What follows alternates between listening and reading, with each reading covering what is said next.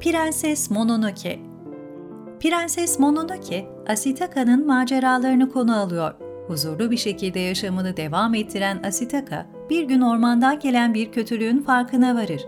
Ölümcül bir lanete yakalanan Asitaka, bir çare bulmak üzere yola düşer ve kendisini bir madenci şehriyle orman hayvanları arasındaki savaşın ortasında bulur.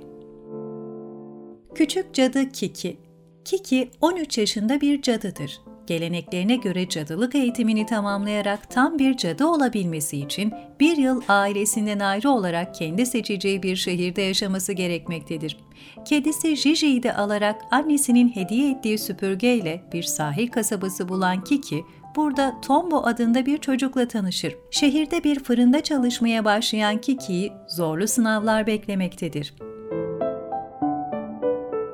Yüreğinin Sesi Kütüphaneden aldığı tüm kitapların daha önce aynı kişi tarafından ödünç alındığını öğrenen 14 yaşındaki Siziku, bu kişinin kim olduğunu merak eder ve araştırmaya başlar. Bu merak onu kendi hayatıyla ilgili de önemli şeyler keşfedeceği bir yolculuğa sürükler.